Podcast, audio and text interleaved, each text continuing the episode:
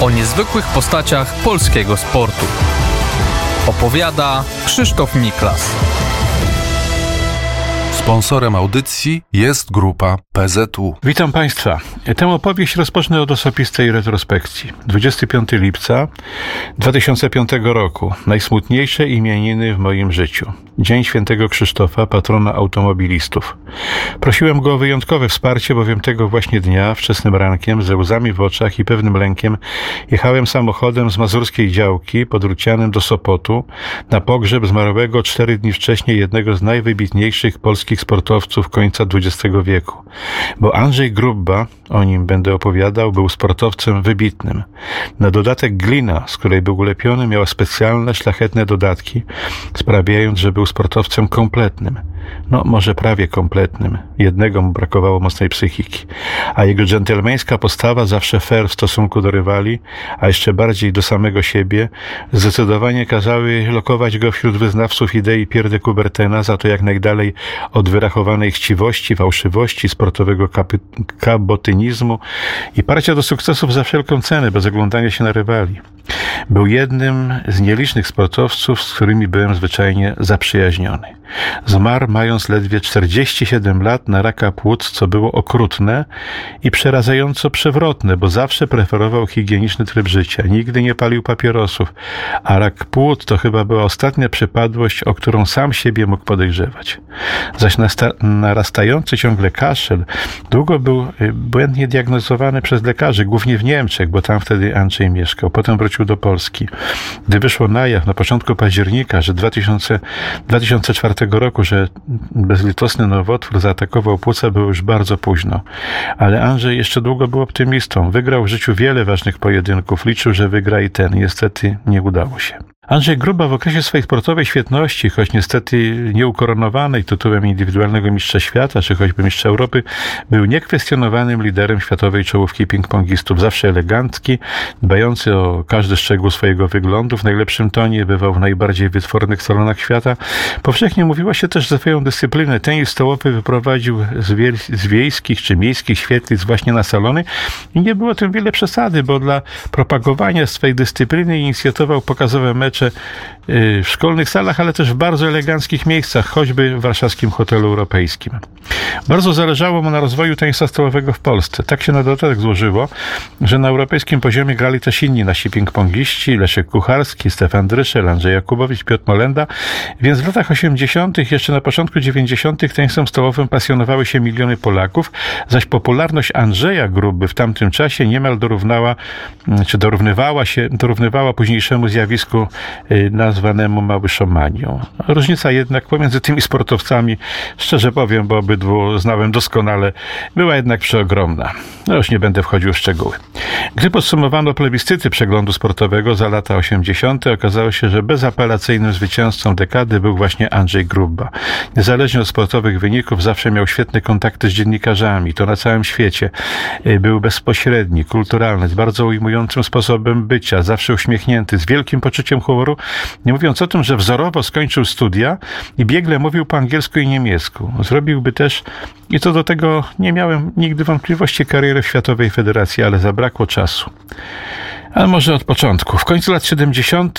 ubiegłego oczywiście wieku prezes Polskiego Związku Tenisa Jerzy Dachowski, już niestety nieżyjący, zaprosił do współpracy kilku dziennikarzy z Polskiego Radia, w którym wtedy pracowałem akurat mnie. Mamy bardzo utalentowanych młodych graczy, przekonywał. Jestem pewny, że przez wiele lat będziecie mieli panowie o czym mówić i pisać. Leszek Kucharski został niedawno mistrzem Europy juniorów. Andrzej Grubba nie jest od niego gorszy, są jeszcze inni. Słowa Dachowskiego zaczęły się szybko sprawdzać. Coraz bardziej atrakcyjne były mecze Superligi, do której Polacy awansowali z europejskiego zaplecza. Organizację Superligi ubiegało się wtedy wiele polskich miast. Gościć u siebie Grubę było bowiem wyjątkowym honorem. Andrzej urodził się 14 maja 1958 roku w Brzeźnie na Kaszubach, a ściślej na Kodziewiu, Kociewiu, niedaleko Starogardu Gdańskiego, gdzie jego rodzice, pani Ludmiła, pan Alojzy, byli nauczycielami. Miał starszego brata Jurka i w wolnych chwilach ciągle grali w ping-ponga. Andrzej szybko okazał się niezwykle utalentowany, na dodatek był oburęczny. No świetnie grał też w piłkę ręczną, y, jako y, jeszcze w szkole, czy potem w liceum, jako jedyny zawodnik. Potem ze światowej czołówki potrafił błyskawicznie przerzucić rakietkę z prawej do lewej ręki i skutecznie przebić ją na drugą stronę stołu, co zawsze wzbudzało zdumienie i aplauz. Te dziecięce pojedynki ze starszym bratem sprawiły też, że szybko nauczył się grać backhandem. Do tego stopnia, że już podczas dorosłej kariery jego backhand przez lata uznawany był za najlepszy na świecie. Absorbował najtęższych analityków tej gry. Po wygranym przez grupę Pucharze Świata w Wuhan 1988 roku na kilka tygodni przed Igrzyskami w Seulu Chińczycy powołali specjalny zespół trenerski, który miał za zadanie dokładnie przeanalizować grę Polaka. Bardzo zabolało ich to, że Grubba w decydujących meczach w tym Pucharze Świata kolejno pokonał, właściwie rozniósł trzech znakomitych Chińczyków, na dodatek każdego w trzech krótkich setach. Nam po tym sukcesie marzył się oczywiście olimpijski medal Grubby w Seulu, gdzie tenis stołowy po raz pierwszy znalazł się w olimpijskim programie. Medalu jednak nie było było. W przerwach między meczami olimpijską nominację miał też debut z Leszkiem Kucharski. Wiele rozmawiałem z Andrzejem, bo komentowałem dla Polskiego Radia ten turniej i widziałem, jak jest zestresowany. Odpadł w rundzie, y, odpadł w rundzie pucharowej, bo mm, rundę grupową wygrał bezapelacyjnie. Przegrał ze swoim przyjacielem, Szwedem Jürgenem Personem w meczu, którego przegrać nie powinien. No co z tego mówił, że z Personem bym wygrał, ale następnej przeszkody Koreańczyka Yunem Q bym nie przeskoczył. Gra tu fantastycznie. Faktycznie Yunem Q został mistrzem olimpijskim. Potem jeszcze dwukrotnie startował na Igrzyskach Olimpijskich. Najbliżej medalu był w deblu wspólnie z Leszkiem Kucharskim w Barcelonie w 1992 roku. W drugim secie spotkania ze świetnymi Francuzami parą Gatien-Eloa prowadzili 20 do 11. Jedna piłeczka dzieliła ich od zwycięstwa. Gdy sędzia już zakończył spotkanie, Gruba podszedł do niego i powiedział, panie sędzio, piłeczka dotknęła mojej koszulki, ten punkt mi się nie należy. Zamiast końcowe 21-11 zrobiło się 20 do 12, a potem przegrali wszystkie piłki choć mieli same meczbole. Jeden punkt wymusił na sędziach, wymusili na sędziach Francuzi. No to z ich co oni, oni o fair nie mieli pojęcia o grze fair. Grubę uhonorowano potem nagrodą fair play, ale nie zastąpiła olimpijskiego medalu. Ale taki właśnie był Andrzej Gruba. Pierwszy spektakularny sukces odniósł w kwietniu 1982 roku na Mistrzostwach Europy w Budapeszcie. No miałem okazję, jakąś wyjątkowe szczęście komentować te mistrzostwa, bo to nie były łatwe czasy. W singlu i deblu jeszcze medalu mowy nie było, za to zdobył tytuł mistrzowski w grze mieszanej z Holenderką Bettinę Frizekop. Dwa lata później Mistrzostwa Europy odbywały się w Moskwie. Gruba zrobił wielkie postępy, stanął przed szansą zdobycia tytułu mistrza kontynentu. Grał świetnie, ale w finale stawka w finale ze Szwedem Bengtsonem stawka bardzo go usztywniła. On powinien wygrać ten mecz w trzech setach, a przegrał w pięciu. Po tym, co pokazał wcześniej, był zdecydowanym faworytem. Naprawdę przegrał mecz, którego przegrać nie miał prawa. Na dwóch kolejnych mistrzostwach Starego Kontynentu w Pradze i w Paryżu też komentowałem te mistrzostwa. Zdobywał medale brązowe, by wreszcie w 90 roku w Göteborgu znów awansować do finału. Przeciwnikiem grupy w półfinale był znakomity Francuz Jean-Philippe Gassien, późniejszy mistrz świata. Andrzej pokonał go w czterech setach, po raz drugi awansował do finału. Rywalem grupy znów był Szwed, tym razem Mikael Apergren. Andrzej marzył, by grać właśnie ze Szwedem i pokonać go przed wypełnioną po brzegi halą Skandynawią. Znów jednak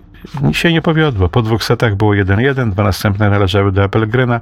Nie miał do szczęścia też do, do Mistrzostw Świata. Jedyny brązowy medal w singlu, jeden w deblu z Leszkiem Kucharskim, jeden w turnieju drużynowym. Ten jeden w deblu z Leszkiem Kucharskim, y, przypo, y, przy, y, wspomnę o tym, bo to było w Delhi na Mistrzostwach Świata, gdzie miałem też szczęście komentować to w polskim radiu. I wtedy podchodzili do mnie dziennikarze indyjscy i prosili, czy ja bym im załatwił zdjęcie z grubą, bo już o wywiadzie to nawet nie śmieli marzyć. Gruba był tak popularny, że właściwie oni z nikim innym nie chcieli mieć fotografii, tylko właśnie z Grubą. No to świadczyło chyba o tym, jak wielce był popularny, choć jak powiedziałem, skończyło się na tym jednym brązowym medalu na dodatek w deblu. Wrócę nieco w czasie. Do liceum Andrzej chodził w Gdańsku, po maturze rozpoczął studia na WF-ie w Oliwie, mieszkał w akademiku. Wtedy poznał swoją przyszłą żonę, przemiłą, urodziwą Lucynę Galus, która na studia do Gdańska przyjechała z Tarnowa. Była świetną piłkarką ręczną. Grała na lewym skrzydle w reprezentacji Polski, rozegrała kilkadziesiąt spotkań i pewnie grałaby jeszcze, jeszcze przez parę lat, ale po wyjściu za mąż postanowiła poświęcić się Andrzejowi i rodzinie. Jakiś czas mieszkali w akademiku, potem dostali niewielkie dwupokojowe mieszkanie. Doktor ekonomii, ale też absolwent AWF-u Adam Giersz twierdził, że wkrótce jego drużyna AZS AWF Gdańsk będzie najlepsza w Europie i nie pomylił się. W 1985 roku Andrzej Grubba, Leszek Kucharski, Andrzej Jakubowicz, mm, Tadeusz Klimowski zdobyli najcenniejsze klubowe trofeum Puchar Europy. W tym samym roku Grubba wygrał w Barcelonie prestiżowy turniej Europa Top 12, w Pucharze Świata był drugi. Po wywalczeniu y, Pucharu Europy Grubba skorzystał z oferty, jaką przedstawił mu Manter Gstettner, właściciel klubu Zugbricke Gręcał. Ściślej przepięknej kilkunastohektarowej kotliny z przepływającym przez nią czystym potokiem, otoczonej wysokimi, stromymi górkami ze starym zamkiem na jednej z tych górek. Wspaniałe miejsce, bajkowe, niedaleko Koblencji. Stetner stworzył tam piękny ośrodek z hotelami, gastronomią, halą sportową. Stworzył też bardzo silną drużyną, drużynę, której celem było nie tylko wygranie Superligi, ale zdobycie Pucharu Europy. I właśnie miał w tym pomóc Grubba, który z miejsca zaskarbił sobie wielką sympatię e, całej okolicy, wszystkich kibiców, nie tylko znakomitą grą, ale i niezwykle dżentelmeńską postawą. Andrzej, przystojny facet, zawsze uśmiechnięty, po prostu był ozdobą tej doliny. A ja przekonałem się o tym rocznie już zimą 86 roku, kiedy na zaproszenie Andrzeja pojechałem na kilka dni do Gręca. Byłem pierwszym polskim dziennikarzem, który odwiedził to miejsce. Było to na, na testu na miejsce naprawdę urokliwe. I Andrzej szybko poprowadził Gręcał do wielkich sukcesów. Zdobyli Mistrzostwo Niemiec, Puchar Europy już w 87 roku. Grał tam do końca swojej sportowej kariery, choć po drodze miał też dwuletni epizod w austriackim Stockerau. No, prosił go to bardzo jego przyjaciel, Staszek Frączyk, który właśnie w Stockerau był bardzo zadomowiony i bardzo chciał, pragnął, by Andrzej zagrał chociaż przez rok czy dwa w jego klubie. No, dwa razy dzięki Grubie Stockerau został mistrzem Austrii. Potem Gruba wrócił jednak do Niemiec, został Zugbricke Gręcał grającym trenerem, dwa razy wywalczył jeszcze Mistrzostwo Niemiec w 91, 94, drużynowe mistrzostwo oczywiście. Zawsze było to dla całej okolicy wielkie wydarzenie. Wtedy w Bundeslidze grała cała europejska, właściwie nawet częściowo światowa czołówka. Potem jeszcze mając lat 40, w 80, 98 roku, no dokładnie miał 40 lat, wspólnie z Lucjanem Błaszczykiem, którego ściągnął do Gręcał, Czechem Korbelem, Niemcem Fecnerem zdobył prestiżowy puchar ETTU, Europejskiej Federacji Tenisa Stołowego. Gdy w listopadzie tegoż roku Andrzej Gruba zadzwonił do mnie, zgręcał, ja byłem naprawdę, prawdę powiedziawszy, zaskoczony. Andrzej mówi, najwyższy czas zakończyć bieganie wokół stołu. Mówi, mam 40 lat.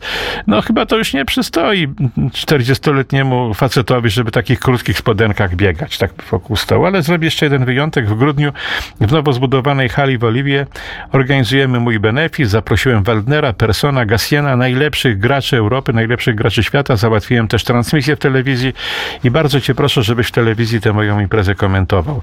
No poprosiłem jeszcze kolegę Andrzeja Persona, by wsparł mnie w tej, tej transmisji, bo to odpowiedzialne zadanie. Poza tym powiedział Andrzej, wracamy z całą rodziną, z Lucyną, Tomkiem, Maćkiem na stałe do Polski. Nie wyobrażam sobie dalszego życia poza krajem. Chociaż wielokrotnie proponowano mu niemiecki paszport, niemieckie obywatelstwo, zawsze to odrzucał. Mówi, urodziłem się Polakiem i mam polski charakter i zawsze będę Polakiem. Po zakończeniu sportowej kariery Andrzej był dyrektorem sportowym w Polskim Związku Tenisa Stołowego i gdyby nie ta straszna choroba, służyłby, służyłby tej dyscyplinie przez wiele lat. Wspólnie z dańskim dziennikarzem Markiem Formelą napisali książkę Andrzej Grubba, Ostatnia piłka. Dostałem od niego jeden z tych pierwszych autorskich egzemplarzy z pisem Krzysiu na pamiątkę naszej wspólnej ping-pongowej przeszłości. Życzę przyjemnej lektury. Ten wpis oczywiście zawsze będzie dla mnie reliktem. Któż mógłby się spodziewać, że ta ostatnia piłka nadejdzie tak szybko? Być może wpływ na nią miały olbrzymie stresy, jakie przeżywał przy stole, poza nim przez wiele lat. Te stresy, psychika nie pozwalały mu osiągnąć sukcesów, do jakich naprawdę był predestynowany. Z Andrzejem Grubbą i jego kolegami z reprezentacji przemierzyłem kawał Polski i kawał świata. Zaprzyjaźniliśmy czasem w prywatnych rozmowach. Cztery oczy mówił mi znacznie więcej niż normalnie sportowiec mówi dziennikarzom.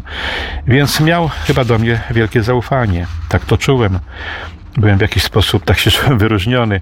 Przepraszam za to osobiste dygresje, no ale, ale, ale chcę je przekazać. Zabrakło mi bardzo, ciągle mi brakuje Andrzeja w sportowym krajobrazie Polski, a, ale wprost trudno sobie wyobrazić, jak zabrakło go Lucynie, Tomkowi, Maćkowi, rodzicom, No tata zmarł kilka lat temu, mama mieszka w Stargardzie. Byłem u niej dwukrotnie ostatnio, bratu czy siostrze. O niezwykłych postaciach polskiego sportu. Opowiada Krzysztof Miklas. Sponsorem audycji jest grupa PZU.